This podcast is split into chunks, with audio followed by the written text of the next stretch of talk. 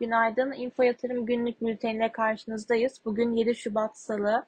Haftanın ilk gününde acı haberlerle uyandık. Kahramanmaraş merkezi 7,7 büyüklüğünde depremin meydana gelmesi ve depremin yaklaşık 10 şehre sirayet etmesi yüreğimizi dağladı.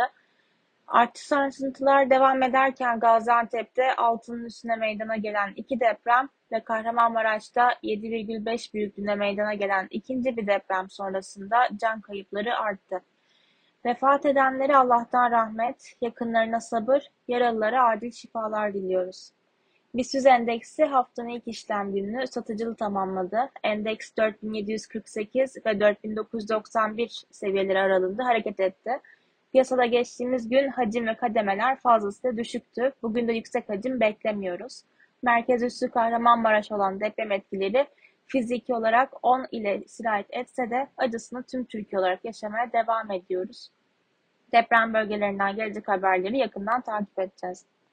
BIST endeksinde 5030, 5130 ve 5275 seviyeleri direnç, 4780, 4646 ve 4545 seviyeleri destek olarak izlenecek. Borsa İstanbul'un güne satıcılı başlamasını bekliyoruz.